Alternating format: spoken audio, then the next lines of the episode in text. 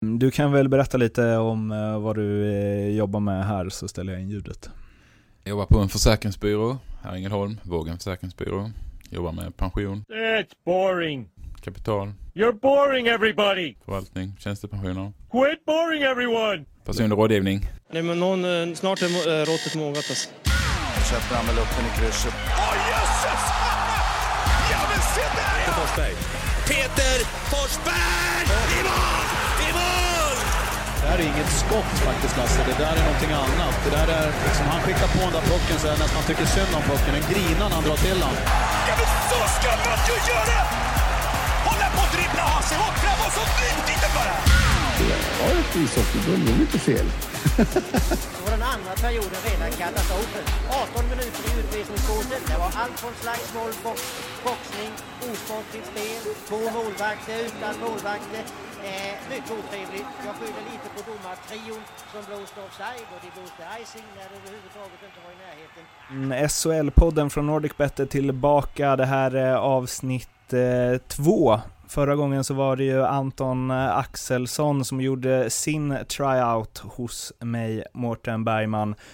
Idag är det ytterligare en eh, tryout-poddare på plats. Eh, André Brändheden, välkommen. Tack så hemskt mycket. Hur har du gjort tryout förut? Ja, det har jag faktiskt gjort. Och det gick väl sådär. Så att jag har högre förväntningar här. Det här känns riktigt bra. Var och när var den tryouten? Nej, jag var ju på något provspel i, i Malmö, eh, Redhawks, eh, under min juniortid. Ja. Och eh, det jag minns från den tiden det var väl egentligen att man behandlades väl som ett dammkorn i ett hörn ungefär. Det var liksom, det var ingen som sa hej till den och det var väldigt, kände sig inte direkt hemma. Så att ja, den tryouten gick sådär. Var de bra då eller? Ja, de var ganska duktiga. Mm. Det var ju eh, Rihi, Arvi och det gänget. Ah, Så okej. att, eh, eh, ja, man var väl inte tjenis direkt med dem. Du fick liksom inga slagskottspassningar från blå? Nej, Nej. det fick jag inte. Vad intressant att du tar upp din juniortid, för jag har en kollega här som hjälper till med podcast och texter på solbloggen.se där ni kan gå in och kika. Joakim Österberg heter han och ringde upp honom tidigare idag och vi ska lyssna lite på vad han hade att säga om din juniortid. Hallå det är Joakim. Tjena Jocke, Mårten här. Tja! Du, jag presenterar dig som eh, min kollega på NordicBet som bland annat hjälper till med den här podden och kanske kommer göra lite inslag framöver. Men du är ju inte bara det, du är ju en före detta lovande hockeyspelare i Limhamn Limhamn Limeburners Lime Burners. he- hette vi på min tid. Eh, jo, eh, jag är ju eh, eh, talang som aldrig eh, lyckades kan man väl säga. Lika gammal som André då, född 83. Eh, det förlorade, det förlorade år, vad ska man säga, förlorade året. Och spelade då i Limhamn som var väl ett av de bättre lagen i Skåne och var väl helt okej. Mötte Malmö mycket och eh, var en grisig center som, eh, ja, jag, jag säger att jag hade en talang. Det är väl egentligen motsatsen att jag, jag levde på att vara en, en kämpare som eh, liksom hade väl helt okej talang men den andra hade väldigt lätt att bara dansade förbi en. Så att, eh, eh, ja, jag, jag kommer ihåg att jag mötte eh, André några gånger. Eh, Var han och- en sån som dansade förbi en? han var nu en sån som dansade förbi ja. Eh, och eh, jag slutade ju spela då efter att min karriär eh, gick eh, i kras eh, och inte kom med i TV-pucken där när jag var, liksom var 16. Så då kan man ju själv räkna ut att detta är ju ganska så länge sedan. Så att minnena har väl vagnat något. Men jag kommer ihåg starkt att André Persson som jag hette på den tiden var en av de här liksom som spelade i Tyringe. Eh, ett av de sämre, liksom, mindre lagen men en, var en av de största talangerna där. Och eh, jag har ju något minne av att han gjorde tre mål på oss, tror jag, någon 7-5 match där vi var mycket, mycket, mycket bättre men där han var liksom den lysande stjärnan när vi var kanske sådär 14-15 Hur var han som spelare?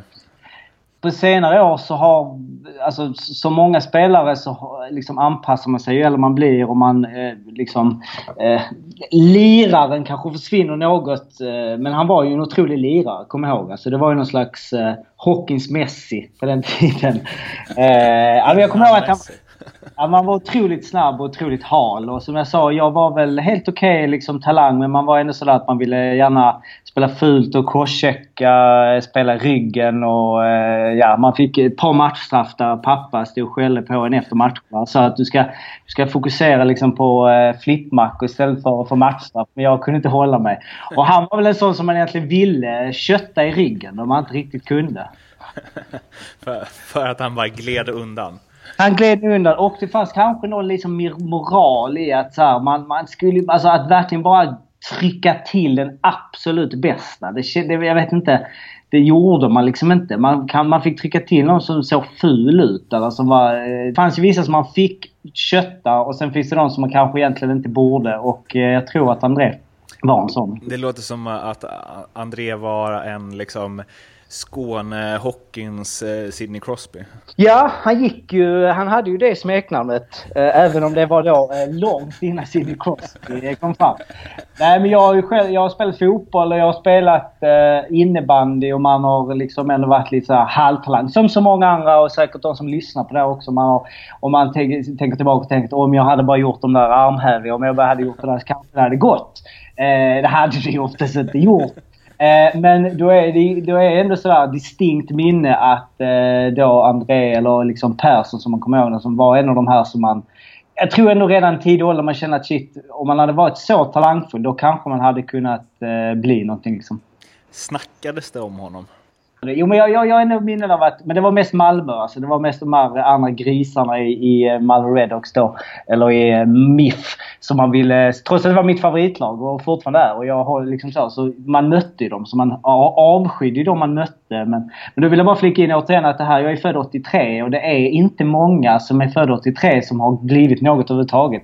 Så till mitt försvar så var jag i, liksom, i en dålig eh, årskull. Och till en sån som Andres, eh, vad ska man säga? Alltså det är en otrolig styrka att ha kravlat sig upp från detta, eh, detta liksom eh, gyttjet av 83 som inte har någon talang överhuvudtaget. Det gäller alla sporter. Man kan gå igenom fotboll, friidrott, allting.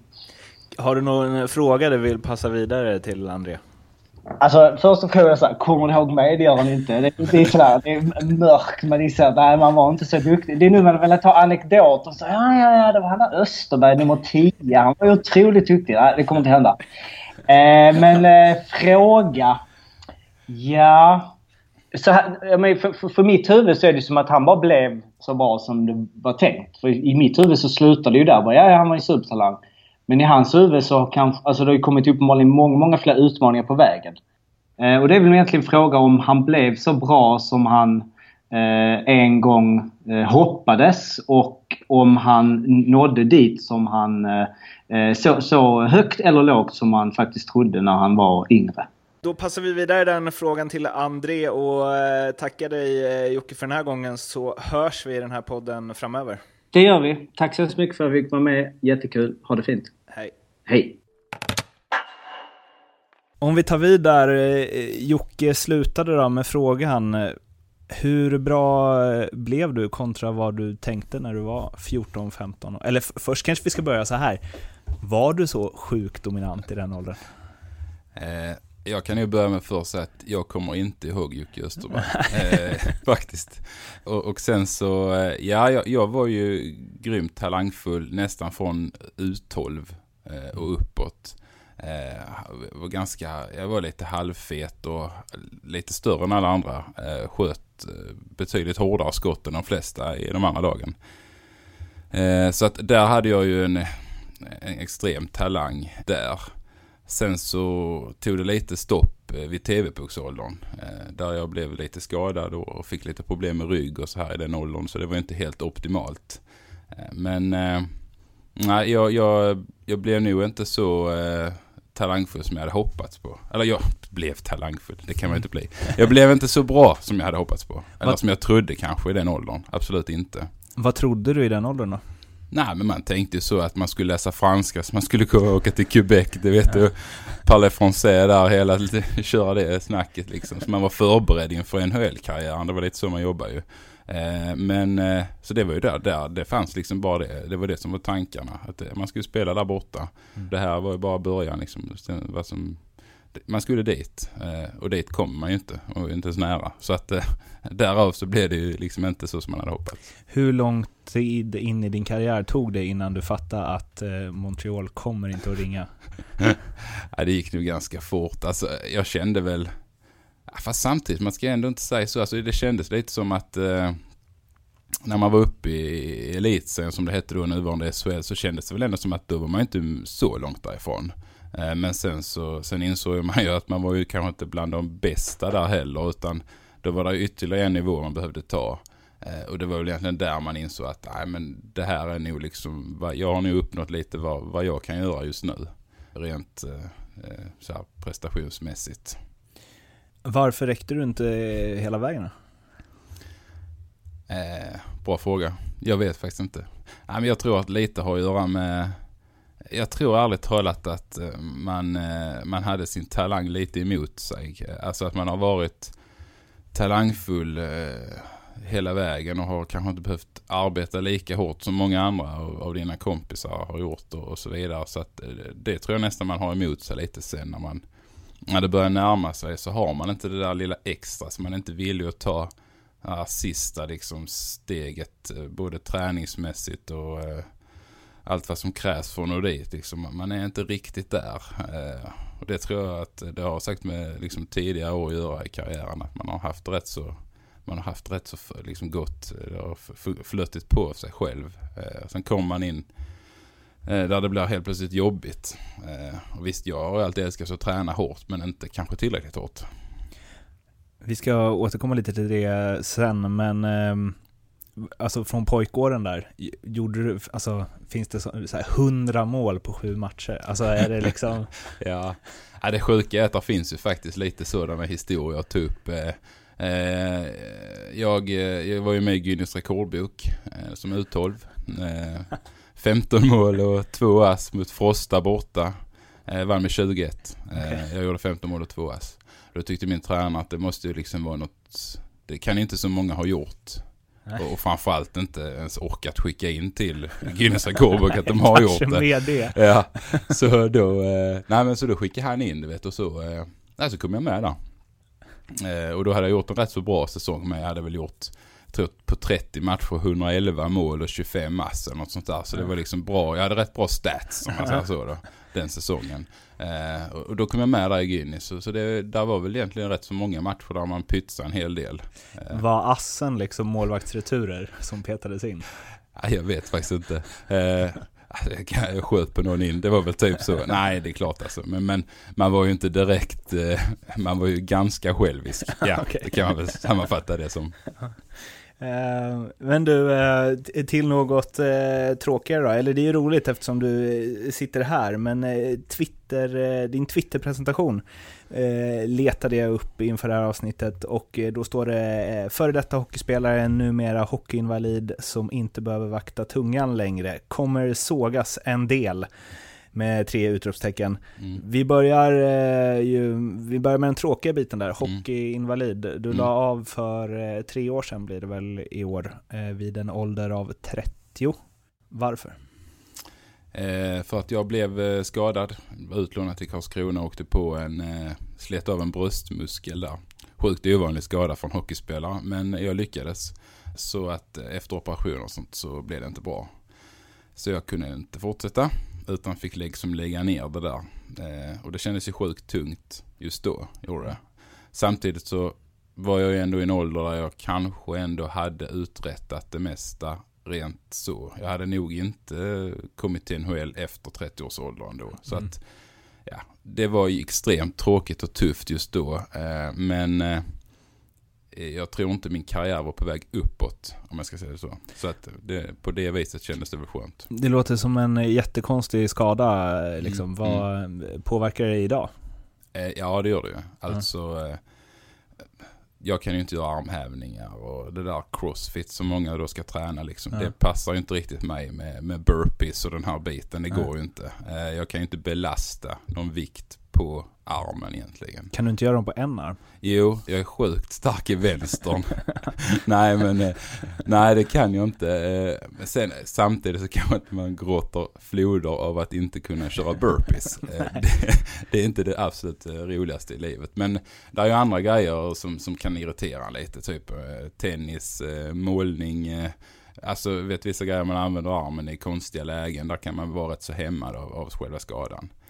Alltså, nu kanske jag verkligen säljer ut en spelare här, men jag tror att det här har stått i, i pressen. Eh, Men Johan Ryno har väl bara en bröstmuskel tror jag? Ja, det. Jag tror det. Jaså. Ja men det är inte omöjligt. Då eh, eh, kanske jag ska vara tyst. jag vet liksom inte vad jag ska säga där. Det var ju kul för han. Han spelar va? jag känner mig väl... Nej, eh, ja, han krigar på. Är Han är olika- lite mer krigare där ja. Eh, Olika virke. Ja, lite olika- olika, lite olika där. Eh, ja, det måste vara hans hängarm som han är av med. Alltså den som han eh, inte liksom vevar upp med. Ja, för hans, eh, handlings, eller liksom hans skott är rätt bra. Ja, också. ja det är bra. Det är ju liksom två, två bröstmuskler. Sen har, jag, sen har jag aldrig sett honom med ett två bröstmuskelskott. Det, är ändå Ja, gött. Ja, det det tycker jag att kommentatorer ska snappa upp när någon drar på riktigt hårt. Uh, nej, men man har ju inte sett honom fira som, eh, vad heter han, Avery med armhävningar heller. Så Nej, nej, vi vet ju inte riktigt. nej. Ehm, om vi tittar tillbaka lite på din eh, karriär, eller till er lyssnare i alla fall, ehm, ni få som inte har koll. Eh, Växjö, Södertälje, Rögle och sen en eh, snabb utlåning till Karlskrona då. Men ja, vi sitter ju i Ängelholm och man får väl ändå säga att det är liksom att du är mest förknippad med Rögle. Ja, absolut. Jag hade ju sista sex säsongerna här. Eh, och var lagkapten ett år också. Så att jag har väl... Eh, ja, jag har ju mest liksom hjärta här. Det har jag ju. Eh, sen Södertälje och Växjö var ju också svinroligt. Men det är ju här jag liksom är nu. Och jag har ju bosatt mig här efter karriären också. Så jag trivs ju onekligen bra här. Och så vidare. Så att det är nog här jag får bli kvar. Och eh, med risk för att få ta om svaret på den här frågan, men hur mycket tittar du SHL nu för tiden? Nej, men jag tittar mycket. Jag eh, har en eh, son som är sex år som är någon typ av... Supertalang, ja, han också. Ja, exakt, exakt. Jag gnuggar med han fyra, fem timmar om dagen. Han ska bli sjukt bra.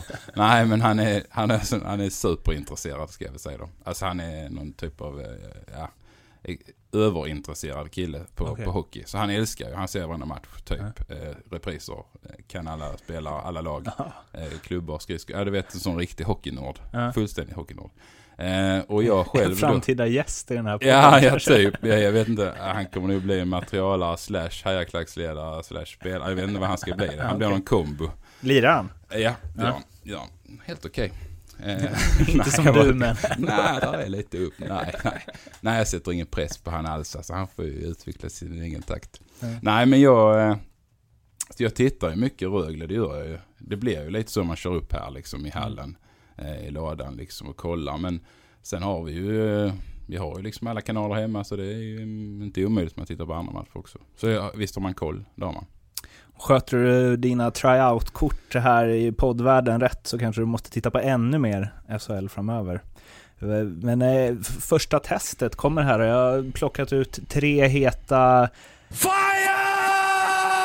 rubriker Mm. från eh, de första omgångarna av SHL. Det har ju gått eh, tre omgångar eh, minst sedan eh, första avsnittet med Anton Axelsson. Och det vi börjar med är eh, Malmö som eh, går som det berömda tåget utan Erik Forsell och utan eh, Rhetoric som nu eh, väl eh, läste landat i Köpenhamn. Och Forsell är 100% igen och frågan är eh, kort och koncist, är eh, Malmö i the real deal i år? Ja, jag tror faktiskt det. Jag tror det. De känns eh, genuint bra på något vis. De har en, eh, en trygghet i spelet, det som jag har sett eh, matcherna de har spelat. Och de känns bra, eh, bra målvakter. Stabila målvakter. Eh, Torpet är ju en bra värvning där alltså. Eh, som har stabiliserat upp den sidan ännu mer. Det var ju inte Gunnar som kass va, men ändå. Eh, och sen tycker jag de har fått en bra mix. Fått behålla. Och sen nu kommer ju eh, Rhett Rekchan in också som vi vet kan prestera. Har gjort det i nästan alla säsonger på hög nivå. Forsell är ju tänkt som en ledargestalt så när, menar, när han också snurrar på så här nu och kör igång så blir de ju ännu starkare framåt. Eh, det är väl eh, backsidan som har varit lite orolig för men de har, eh, de har spelat väldigt bra än så länge måste jag säga. Om ni tycker att, jag, att ni hör tangentbordsknapprande i bakgrunden så är det precis vad ni gör då jag surfar runt lite på Elite Prospects. Det kommer jag nog göra i alla avsnitt, men nu sökte jag här och ser om vi har missat någon 83 men Nilstorp i Malmö är 84. Mm. Men han kanske spelade med äldre. Har du gjort mål på honom i unga år? Nej, faktiskt inte. inte? Alltså, jag tror han var ganska risig när han var yngre. nej, jag vet inte. Nej, men han... Eh, nej, jag har inte gjort så mycket mål på han. Mm. Det har jag inte gjort. Alltså på träning. Jag har ju spelat med han i, i Rögle. Mm. Alltså där har jag ju dundrat in rätt mycket kassar. Men, eh, men nej, inte när vi var yngre. Okay. Um, hur bra är Malmö då i år? Alltså, eh, är det eh, det är många som säger vi ska ta nästa steg och vi ska liksom gå direkt till slutspel kanske eller slåss om de platserna och så. Men är det mer än så?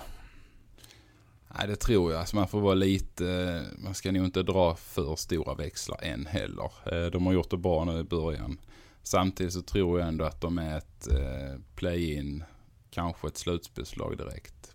Däromkring tror jag nog att de bör ligga. Och då har de ju tagit nästa steg i och för sig. Så att eh, där räknar jag med att de kommer att hamna. När vet man om, om det är the real deal? Ja, jag skulle säga... Ja, 10-15 omgångar in börjar man väl se lite mönster tycker jag.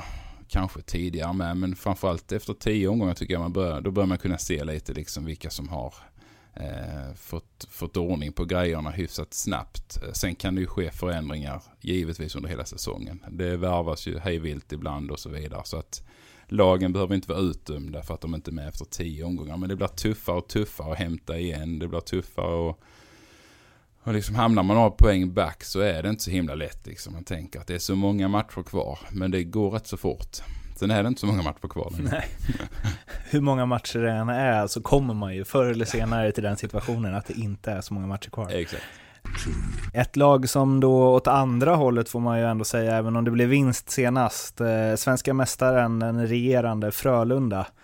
Eh, torsk mot just Malmö i första, även om de var millimetrar från att hämta upp det i slutet. Och sen en riktig överkörning mot eh, Brynäs, 7-2 blev det väl i den innan de slog eh, Brynäs i back-to-backen med 3-1 i returen där. Mm, ändock. Eh, två torskar varav den andra var ju en eh, förnedring. Var har vi Frölunda? Nej, men de har vi där uppe. Alltså de har, eh, de har inte startat jättebra kanske. Eh, inte som folk förväntar sig av dem och kan, inte som de förväntar sig själva heller. Utan eh, jag är helt säker på att de kommer att finnas med topp 2, topp 3 när säsongen är slut. Eh, och de har ett bra lag i år igen. Eh, sen är det alltid svårt att vinna två år i rad, så är det bara. Men de kommer att vara med där uppe, helt klart. Eh, jag tror de är lite påverkade av CHL-matcher och, och, så vidare. Då, liksom det är inte alltid det är positivt att ha spelat några matcher innan. Men när de mötte Malmö, det såg man ju direkt att Malmö ville vinna match, den matchen mer. De var ju fruktansvärt hungriga på segern. Eh, Frölunda kändes inte lika taggade. Så att, ja, jag tror de är med där uppe. Det var ju liksom... Det firades under allsvenska fotbollsmatcher och det tappades eh, en hel backbesättning och eh, allt som eh, både vanligtvis och ovanligtvis följer efter ett SM-guld. Är det liksom, är det lite baksmälla som hänger i i början av säsongen tror du? Ja men det kan det nog vara firandet, det är ju, hoppas man ju att det har släppt. Alltså mm. baksmällan från det. Eh, men eh, det är klart att de tappade ju många viktiga spelare. Har de gjort ju. De har ju sig fyllt upp med nya också. Men det är klart det känns ju som att de, de, eh, de är kanske lite svagare på pappret i år. Det, det tycker jag. Men de får ändå ihop det där på något vis. Eh, är jag helt säker på. De tror att de kommer, jag tror de kommer vara med där uppe. Jag tror inte de vinner. Eh, men jag tror de är med på, på eh, toppen av tabellen. Och den tredje punkten då, några som kanske inte kommer vara med i toppen av tabellen. Nykomlingen Leksand, tre raka torsk, 2-5 mot Djurgården, 0-3 mot Karlskrona och 1-4 mot Växjö igår när vi spelar in det här. Så någon Leksand-supporter som eh, twittrade att eh, nu behöver vi bara en spelare som gör fyra mål varje match så är vi hemma. eh, Eh, vad, eh, vad är liksom dina eh, intryck och din tro om eh, Leksand i år? Nej, de, de, jag tror de ligger nu där de kommer ligga när tabellen är slut. det känns lite som att de har ett, ett allsvenskt lag i SHL-kostym på något vis. Eh, faktiskt. Eh, det gick nog lite för, alltså det var nog lite för bra förra året att de lyckades liksom eh, ta sig upp utan jag tror nog att de kommer att ligga där nere. De kommer säkert, och det kommer säkert att hända grejer i Leksand här inom kort kanske, det vet man inte. Men det kommer spelare, tränare, frågetecken, allt möjligt kommer att börja cirkulera här snart. Mm. Eh, jag tror eh, spelarmaterialet är inte bättre, så är det bara. Är det ett eh, stundande, liksom ett Karlskrona förra säsongen som väntar? Ja, jag är rädd för det. Jag tycker det är sjukt tråkigt om det blir så. För att det är fruktansvärt trist att något lag liksom glatt efter efter fyra, fem omgångar och sen så känns de körda. Eh, utan det är mycket roligare om det är liksom lite puls kring alla strecken. Eh, så jag hoppas verkligen inte det, men jag är rädd för att det är så. De pratar ju mycket om eh, tålamod, de ska lära sig det här, de vet att det gick fort upp liksom. Eh, tränaren eh, Perra har varit tydlig med att det här kommer ta sin lilla tid och det är väldigt få här som har spelat i SHL innan och så. Finns det någon, um, finns det någon risk att man liksom, eh, vad ska man säga, för efter de här förlusterna så har det låtit så att bara, ja, vi växer in i det, vi kommer få ge det liksom flera matcher och det är redan saker som funkar bättre, men vi kommer att ha tålamod, eh, klubben har tålamod och så vidare. Finns det någon risk att man sänker sig själva eh, i att så här, det är okej okay att vi inte tar poäng? Ja, lite tror jag faktiskt. Alltså det, här, det låter lite som Hånberg lät förra året känner jag. Efter varje intervju så var det typ sådär. Ja men vi gör en bra match. Vi ska bara ha tålamod så kommer det, vi kommer komma in i det här. Men de kom aldrig liksom in i det. Eh, de hade tålamod säkert och gjorde många bra matcher men de vann inte. Eh, och det är ju det det handlar om. Eh, man ska ta poäng. Jag tror att det finns en risk att man liksom man skyddar sig bak någonting. Eh, lite så att, eh, ja men det är lite undanflykter blir det lite som. att eh, Det är för få spelare som har rutiner från SHL. Vi, vi kommer komma in i det, vi, vi har inte fått igång det, vi har haft skador. Alltså det negativa snacket, alltså det blir en spiral som, som liksom man inte kommer ur sen. Då kan det låta så en hel säsong. Så mm. kan vi höra han stå i mars och snacka om, om att de inte har vuxit in i den. Och då är det för sent så här då, Karlskrona gjorde ju precis så förra året som sagt. De vann väl bara fem matcher tror jag under grundserien. Och eh, visst, Honken stod på huvudet första två matcherna mot eh, AIK, men sen var det inget snack. Att de var mycket, mycket bättre än ett AIK som... Eh, jag såg väldigt mycket Hockeyallsvenskan förra året och det var ju det klart bästa laget över hela säsongen där. Och det är väl, eh, om man hör på hur Leksand pratar liksom, så det, vi behöver vinna fyra matcher i år. Och det är i en bästa av sju serie mot det bästa eller näst bästa laget i Hockeyallsvenskan. Tror du på, alltså det funkade för Karlskrona? Ja, och det, det kan säkerligen fungera för Leksand också. Så är det ju. Alltså det är ju som de är inne på. Eh, det känns lite tråkigt att ha den inställningen mm. efter fyra omgångar. Mm. Men men det är ju fakta. Mm. Vinner de de fyra matcherna eller är bäst eh, först till fyra så har de ju eh, hållit sig kvar. Men är det konstigt som du som, alltså om du hade varit spelare i ett sånt lag, eh, är det konstigt att ha nu, om man nu gick upp för tidigt, om man nu har en budget som är liksom nästan hälften av de som har högst spelarbudget, är det konstigt att ha en inställning som är att eh, vi ska bli så bra under säsongen att vi är bättre än det bästa laget i Allsvenskan? Nej, egentligen, alltså ska man jämföra med Karlskrona så gjorde de ju det jäkligt bra förra året. Alltså de, de fick ju ihop det när Mm. det gällde som mest. Mm. Eh, De hade ju så- också f- 45 omgångar på sig Ja, men lite sig. så. De, hade, de kunde ju gnugga mycket PP och komma överens liksom hur, hur det skulle se ut över i alla lägen. Men nej, alltså jag som åskådare och som supporter och så här till SHL så tycker man ju det är tråkigt att höra liksom att ja, ja men vi ska vinna fyra matcher, då är de vi ska kvala mot eh, typ Oskarshamn eller någon sån som ligger Mm. i toppen av allsvenskan just nu. Ja, det är ju svinkul ju. Alltså då är det ju roligt att sätta på kanalen och titta på Leksand. Det Mm. känns ju sådär. Men eh, hade man själv varit i laget och känt att där är en nivå, vi är en nivå för högt här. Alltså vi är kanske inte tillräckligt bra. Mm. Eh, Då hade man nog liksom mentalt accepterat och ställt sig in på att ja, men eh, vi får kriga, vi får liksom hitta no- några vägar på att överleva säsongen fram tills det gäller. Och då ska vi vara som bäst. Kanske redan vid jul, om man ser det så ut, och sätta sig ner och liksom och ta, bygga upp liksom förväntningarna mot kvalmatcherna.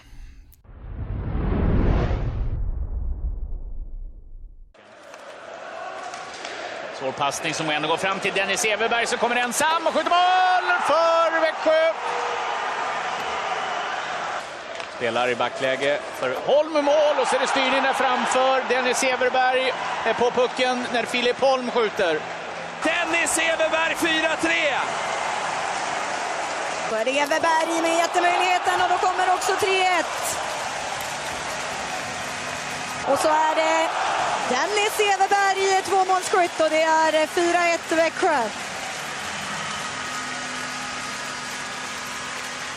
Fem mål på tre matcher. Om någon hade sagt det innan pucken släpptes i SHL, hade du trott på det då? Eh, nej, det vet jag inte. Men det är, det är skönt med en bra start, så det, det är bara att tacka och ta emot. Och efter tre lagrubriker då, så har jag plockat ut en spelare som vi ska snacka lite extra om. Och eh, det här är väl en spelare som, jag vet inte om spelstilen, men personen i alla fall som ligger lite extra eh, nära ditt hjärta kontra många andra SHL-spelare. Dennis Everberg har inlett med Fem mål på tre matcher. ni har spelat tillsammans sen han var liten va? Alltså som i typ 16. Nej, inte riktigt, men nästan. Ja. Nej, men eh, han kom ju upp eh, lite som junior eller när, när, här i Rögle eh, och tog steget in liksom i A-laget. Så att eh, jag har ju varit med, jag har ju spelat med honom då liksom hela vägen här nu fram tills han drog över, kan man väl säga, nästan. Mm. Eh, så jag är ju väldigt glad för hans skull. Jag tycker Dennis är en grymt trevlig och snäll kille. Mm. Och jag unnar hans framgång. Även om det är i Växjö. Alltså, jag tycker det är gött. För du håller ju ändå på eh, Rögle även om du spelat i eh, båda lagen. Han är ju från Västerås men har väl ändå fått sin eh, hockeyuppfostran i Rögle. Hur, eh, ja, du som eh, bor, lever och frodas här, hur mottogs eh, beskedet att han valde bort Rögle som du uppfattade? Hur gick snacket på stan? Snacket var väl inte särskilt positivt. Alltså, de tyckte ju att det var för jävligt rent ut sagt. Hur man kan välja bort sin fina förening Rögle BK. Men det är oftast de som kanske inte, ja, nu ska jag inte säga att de inte kan hockey, men eh, de, de kanske eh, inte tänker så långt på djupet. Eh, Dennis var ju väldigt tydlig med varför han skrev på för Växjö. Och det tycker jag han har varit öppen och ärlig med hela vägen. Så det finns ju ingen som kan liksom klandra han för hans val. Pengar, nej. Utan han vill vinna. Som han är väldigt... Mm det har han ju varit tydlig med hela tiden. Han vill vinna. Och han tror ju att det är större risk han gör det i Växjö Lakers än i Rögle. Och därför väljer han att gå till Växjö. Chans, inte risk. Chans. Eh, Måste du lära dig om du ska... Nej, sorry. sorry. Du- ja, jag håller Speciellt med i ditt jobb och med försäkringar. Ja, Så- men exakt. Ja, det är sant. Det är sant. Nej, det är en större chans. Chansminimering. för- Ja, exakt. Nej, men han... Eh, ja, men jag tycker det är kul. Det är väl ändå kul alltså att eh, det går bra för honom. Det måste jag säga. Ehm, Men han var inte så uppskattad här nere. Han skulle inte gå ner på Harris och sätta sig och ta en matbit. är det så alltså? Ja, så är det. Okej. Det är en ganska liten stad. Ja. Nu säger jag inte att det är någon farlig stad, men eh, han skulle nog inte visat sig här vid signeringstillfällena. Alltså, nej, det hade inte jag gjort om jag varit som han. Nej. Inte för att han skulle liksom bli påhoppad rent eh, Men det hade- våldsmässigt, men hade det, varit det hade inte varit skitkul. ögat. Nej, det hade inte varit roligt för han att gå här på Storgatan. Nej. Och det är lite sorgligt i sig.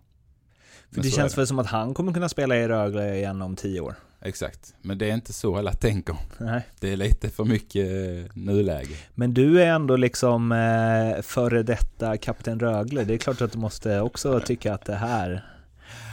Jag var ju nere och letade efter han eh, Eh, dagen efter han hade signat på stan. Men jag såg ju inte han. Jag skulle tänkt jag skulle ta och in han liksom en mörk gränd och snacka vett i han. Nej, skämt åsido. Nej men jag tycker det är, alltså så, jag menar. Även om man har spelat i en förening och jag har hjärta för Rögle och jag tycker om Rögle så måste man vara lite realistisk, alltså realistisk också och tycka eh, Alltså man får ju ändå köpa det som Dennis gör. Jag vet om att Rögle gjorde allt för att få hit honom och mer därtill. Eh, Men att han hela tiden var väldigt rak och ärlig och liksom tydlig med vad han ville. Så att det har liksom inte funnits så här med att eh, här har du ett avtal som ger dig den lönen och här har du det du får jämföra. Utan han har hela tiden varit liksom jag vill spela där för att jag kan, för att det finns större chans. Mm. Mm. Och vinna. Mm. Chans. Chans. Mindre risk att Ja, förlora. ja. ja, precis. Vad har du att säga om honom som spelare då? Och där tycker jag att vi börjar lite, vi pratade om hur eh, bra du trodde att du skulle bli när du var ung. Hur bra trodde du att, eh, eller tror du att han, trodde du att han skulle bli när han kom upp i Rögles A-lag? Ja, jag trodde inte att han skulle spela i NHL. Helt ärligt. Eh, alltså när han kom upp, det var mycket, det var bara tv-spel och det var pizzor och det var OLV 200 grammar på bussen och du vet, det var liksom noll koll på boll vad gällde mat, träning, eh, sova, hur ska man ladda, alltså så han var ju väldigt en förvirrad själ, får man ju säga, när han kom upp. Tog du honom under dina vingar Ja, och sa visst. gör inte Ja, som jag? Nej, köp ostbågar istället. Nej, men du vet så. Nej, det gjorde jag inte. Men han fick nog sig en, eh, han lärde ju sig efterhand givetvis. Det här Mm. var vi i början liksom och det var många unga som kom upp och det är klart det blir så. Men han, eh, jag trodde ändå inte att han skulle spela i NHL även efter han liksom har förstått att, att när poletten ramlat ner liksom att eh, han var lite mer seriös så trodde jag ändå inte det. Eh, samtidigt så har han ju en spelstil som egentligen passar ganska bra där borta. Så att eh, eh, egentligen kanske man borde eh, tyckt att han skulle vara där. Men jag, jag kände inte att han hade den extrema talangen eller liksom den här förmågan av att, att göra mål och så här. Det har han inte haft hela tiden tycker jag. Utan den har ju kommit liksom på senare år att han har lärt sig vägar för att hitta målet på ett helt annat sätt. Vad tänkte du då när han gick direkt från Hockeyallsvenskan till eh, Colorado? Jag tänkte lite samma sak som jag tänkte när Hampus Lindholm gjorde den resan. När han gick från Hockeyallsvenskan till Anaheim. Och man tänkte så när han satt och cyklade med sina Anaheim badtofflor. Att det är kul att du har fått badtofflor. Men du kommer nu snart att komma hit igen ändå. Så att vi ses väl om en månad. Mm. Och tji fick man ju för den kan man ju lugnt säga. Så att eh, eh, jag tänkte lite samma sak. Att jag tror inte det här kommer gå. Men, men det gjorde det. Dennis har ju gjort eh, en eh, hel SHL-säsong eh, innan där. Han gjorde 12 matcher 2009-10 också. Jag har alltså Elite Prospects framför mig nu.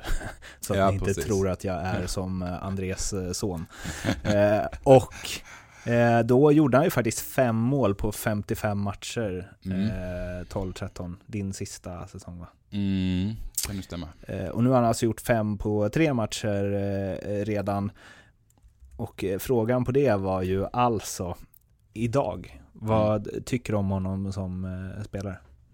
Nej, men man ser att han har utvecklats där borta. Han har blivit ännu bättre på, på att täcka pucken och blivit starkare. Och han, han hade en liten förmåga att överarbeta tyckte jag lite innan, han, innan han åkte över. Alltså jaga lite tacklingar och var lite, ja, han fick lite stämpel av att liksom vara en fjärdelinespelare från början här i, i Rögle. Och sen så nu eh, när han har kommit tillbaka här så ser man ju att det är en helt annan Dennis Everberg nu. Han har ju fått liksom helt annan trygghet i spelet. Han eh, kör inte runt och proppar hela tiden för att han ska göra det. Utan han är mycket smartare, sparar krafter på rätt ställen. Eh, blivit bättre på att täcka puck eh, när han har jobbat, fått jobba på lite mindre ytor där borta. Fått betydligt bättre näsa för målet. Också säkerligen mycket träning där borta. De tänker lite mer fokus mål än vad de gör i Sverige. Så att Eh, man ser att han har utvecklats, det har han absolut gjort. Han gjorde 12 poäng på 70 matcher under två år i Colorado. Som du var inne på lite, han känns ju som en spelare som, eh, och jag kollade ganska mycket på Colorado, i alla fall första säsongen han var med, det var ju också då han gjorde alla sina 12 poäng. Um, han känns ju som en spelare som passar väldigt bra tredje fjärde lidan i NHL egentligen. Mm. Um, varför uh, åkte han hem? Ja du, det är en bra fråga. Ja, jag vet faktiskt inte heller helt. Alltså jag tycker precis som du är inne på. Han borde ju passa som gjutet i en tredje fjärde kedja. Släng in han och han kan eh, nog jaga liksom liv i de flesta backarna. Eh, och vara liksom jobbig att möta och så här. Men eh, och första säsongen han hade där då kikade jag också på lite matcher. Jag tyckte han var riktigt bra alltså i spelet med och tillförde mycket. Eh, sen så andra säsongen här då, det var väl lite skador som det alltid är egentligen. Som börjar liksom lite jobbigt. Eh, och sen när han inte riktigt kom in i det sen så blev det mycket upp och ner. Och det är, det är en liten annan vardag än att vara uppe hela tiden om man säger så. Så att eh, jag tror att han kände att han behövde något då på hemmaplan kanske för att få lite mer, ja men kanske utvecklas till något annat också. Lite mer som nu, han börjar göra mål och sånt där. Eh, ska han sen tillbaka igen så, så har han liksom ett helt annat spel i sig. Mm. Eh, var kanske lite mer målskytt. Eh, jag vet inte. Vad tror du att eh, den här starten av seriepoängexplosionen landar i då? Håkan Loob, ska han vara orolig? ja, ja. Håkan Loob and his wife. Nej, jag, eh, nej, det tror jag inte. Alltså det, det här kommer han inte kunna hålla. Jag skulle tippa på att han landar kring en eh, 20-25 kassar max. Eh, och det är ändå bra, tycker jag, för att vara liksom, han är ju inte värvad som någon toppsniper i Växjö, utan han är värvad som en viktig spelare. Så att poängen han har gjort här nu i början, det har ju varit maximal utdelning, skulle jag säga. Men eh, han kommer fortsätta göra poäng. Men inte, inte så många kassar, det tror jag inte. Vad landar han på då? Vad... Poängmässigt? Ja. ja, jag tror han landar på eh, 38 poäng. Eh, 21 mål och 17 ass. Det blir 38 va? Ja. ja. Det var väl hyfsat bra. 21, 17, ja, 38. Ja, ja, okej. Okay. Ja, precis. Ja, då säger jag 10 till då. Fem fler på varje. Okay. ja. Vi ska prata med eh, en eh, annan röst också om eh, vad, vad man kanske bör tro om Dennis Everberg. Precis som i förra avsnittet så ska vi nämligen ringa KG som är oddsättare på Nordic Bet. Ja, det är KG. Hemma från Toronto nu? Yes, jag är tillbaka. Hur eh, var den upplevelsen? Oh, fantastiskt. Verkligen, vilken hockeystad. Men det slutade ju inte så himla roligt. Nej, besvikelse får man väl säga. Hade du uh, åkt då? Jag hade åkt, jag såg faktiskt inte Sverige-Europa live, vilket var väl, eh, var väl tur får jag säga. Men de matcherna jag såg gjorde vi bra ifrån oss och sen när jag väl åkte så gick det sämre. Turmaskoten lämnade skeppet. Ja, det måste varit något sånt. Jag, jag får skylla på mig själv. Liksom. ja, den är tung om man ska göra det varje gång. du, eh, hur stor skräll var det egentligen att eh, Sverige åkte ut mot Team Europe? Ja, det är klart att det är en stor skräll, men eh, jag, jag, många som vevar ordet fiasko, jag vet inte riktigt om jag håller med där, eh, så tycker ändå att Team, Team Europe har ett, ett starkt lag. Det är väl mer ett litet hån mot NHL som slänger ihop ett litet hopplock till lag och så går de hela vägen till final. Men ja, klart stor besvikelse i alla fall får man väl eh, understryka. Vad var oddsen på att eh, Sverige skulle åka ut mot dem? Eh, de stod i runt tre gånger pengarna att de skulle slå ut Sverige. Motsvarar en sannolikhet på omkring 30 procent. Så att eh, sånt stor superskräll som alla säger vet jag inte om det är, men eh, ja, helt klart en stor besvikelse. Vi ska hoppa vidare till SHL. Eh, det här är trots allt SHL-podden. Och en som inte har varit en besvikelse hittills den här säsongen, eh, i alla fall inte om man håller på Växjö, Dennis Everberg, fem mål, en ass på tre matcher.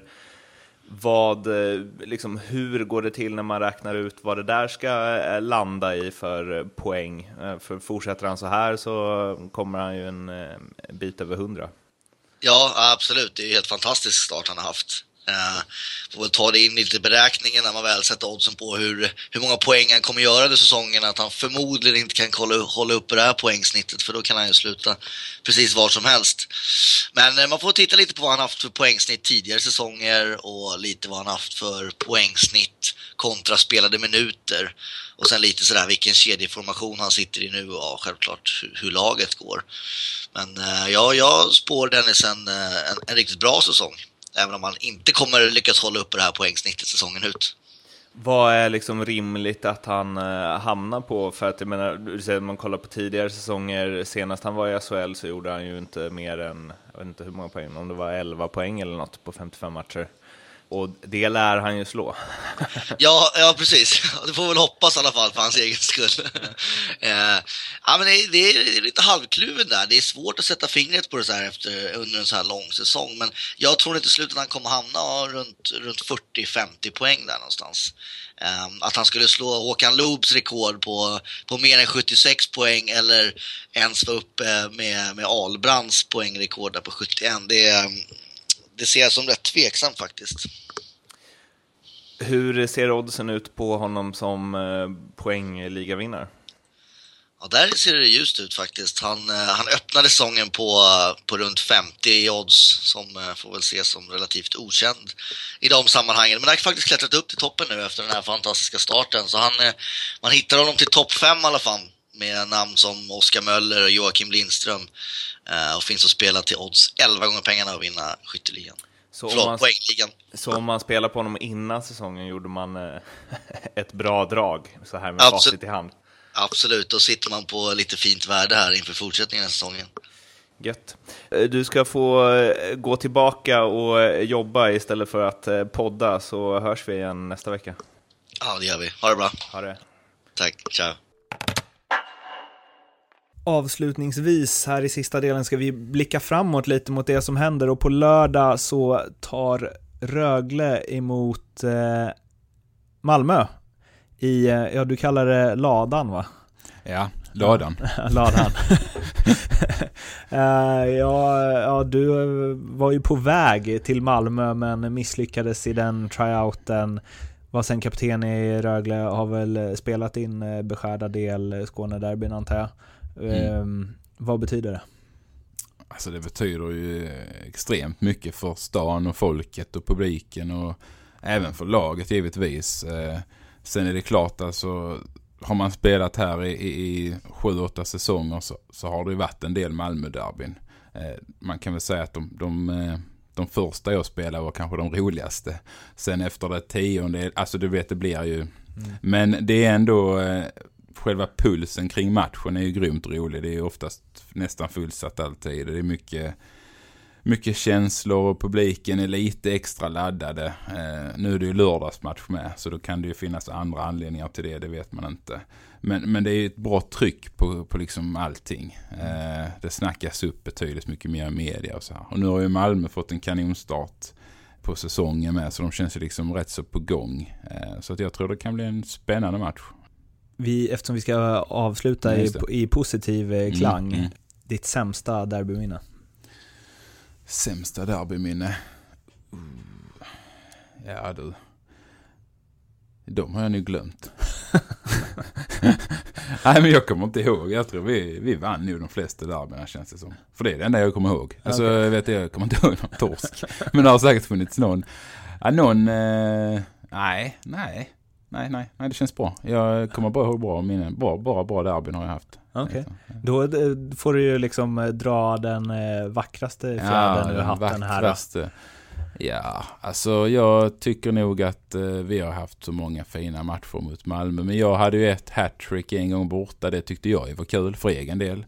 Mm. vi har ju haft någon cross på hemmaplan. Typ 6 någonting, 0-1 kanske. Då var ju mm. också grymt bra stämning. Det tyckte jag också var ganska roligt. Mm. Eh, och sen har det ju funnits liksom tajta matcher med. Jag tror vi spelade lika någon gång i någon kvalserie första året jag var här som var så här extremt viktig match om vi skulle liksom vara, fortfarande ha chansen att gå upp. Mm. Eh, det var också en sån här supermatch man inte glömmer. Men eh, de andra två är väl eh, starkaste minnena så. Det är de. Åkte du runt och hyschade publiken mm. när du gjorde tre? Ja, jag gjorde ju det. Och sen så, nej, nej. Sen så Rahimi det sen så skulle han göra likadant mot AIK och det gick sådär. Fick ju materialen hoppa och gömma sig i ett hörn i bara klubborna. Just det. Ja, nej, det gjorde jag inte. Jag har liksom inte riktigt varit den typen. Men, inte hysch-typen. Men kände du ändå då att bara, ha, ni skulle tagit mig på tryouten? Ja, lite så kände jag. Typ, haha, här, där, där fick ni. Det här kunde varit åt andra hållet. Typ, ja. exakt, exakt. Eh, vad tror du då om du ska ge dig på en, eh, eller generellt liksom, eh, vi har pratat om Malmö och vad du tror om dem. Mm. Rögle, kommer de före eller efter Malmö i tabellen i år? Hmm. Den är ju bra den frågan alltså. Nej, jag tror de kommer efter. Eh, jag hoppas de kommer före och jag tror att de kommer att gå till play-in. Och i derbyt på lördag så? Så vinner nog Rögle faktiskt. Det tror jag. Det är hemmaplan och i lådan är vi starka som vi säger. är du på plats och hetsar mot sargen? Ja, precis. Jag, eh, jag står eh, på högra sitt. Nej, det gör jag inte. Nej, men jag, jag ska nog dit. Ja, det ska jag. Men eh, det, det kommer bli en riktigt kul match. Roligt. Mm. Det, det är kul. Det är roligt och kul, det är det. Ja, det, är, det. är lite samma sak. Ja.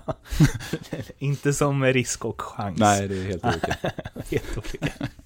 Du, om man vill snacka med dig, då finns det ett, ett Twitterkonto som eh, har fyra månaders pauser mellan uppdateringarna, noterade jag. ja, ehm, ja. Men vill man det då så är det att Brändheden65 va? Exakt. Men jag är igång nu igen. Ja, du är, ja, jag såg det. Jag drog någon ut till Martinsson och e- Everberg. Ja. Det var lite internt där. de hade ju skrivit här nu i tidningen att de skulle, de fiskar mycket. Men, de, men ingen av dem tycker om att hålla en fisk. Det var så sjukt komiskt. Jag var tvungen till att skriva någonting om liksom det här. Och det var ju många som ja, tyckte det var kul med torsk och ja, du vet, ja, klassiska. Ja, ja det var roligt. Så där kan ni följa. Jag ska försöka bli lite mer aktiv där också. Mm. Och det finns, den här bloggen mm. finns ju också där det ska sågas. Där har det inte uppdaterats sen på ett år den i alla fall. Den var ju oerhört kort den eh, blogghistorien. Jag tänkte det skulle bli något typ bloggking eller något sånt där. Ja, du vet. Man kan inte ens bläddra till nej. older posts. Nej, det tror jag inte heller. Den, nej, det var, nej, nej. Det är bättre med Twitter då. Bloggandet, det, det la jag ner ganska fort. Ja. Det gjorde jag. Men eh, vi eh, följer eh, André på Twitter helt enkelt eh, och följer mig om ni vill på Marten med TH Bergman. Och framför allt om vi, ni vill snacka med oss båda så är det at SHL-podden på Twitter eller hashtagga det ni skriver med SHL-podden så håller vi utkik där. Um, det var väl alles tror jag. Jo, just det. Puffa för gamla avsnitt, var ni hittar dem. Ni har ju hittat det här så då kanske ni även eh, vet vart de gamla är. Men det finns där poddar finns, det vill säga Acast och iTunes kommer även finnas på Soundcloud framöver och då är det alltså SHL podden med bindestreck emellan som ni söker på. Och det ska jag säga också att iTunes är ju inte det lättaste verktyget i världen. Därför ligger det två SHL-podden där, en med NordicBet-logga eh, och en med den, ja, den det står SHL-podden på. Det är den det står SHL-podden på som ni ska prenumerera på. För den andra uppdateras nämligen inte utan där ligger det bara gamla tek-avsnitt. Ni får för sig få gå in och lyssna på dem med, men de ligger också på SL-podden. Det blev ett långt outro det här, jag är uppe på två minuter nu.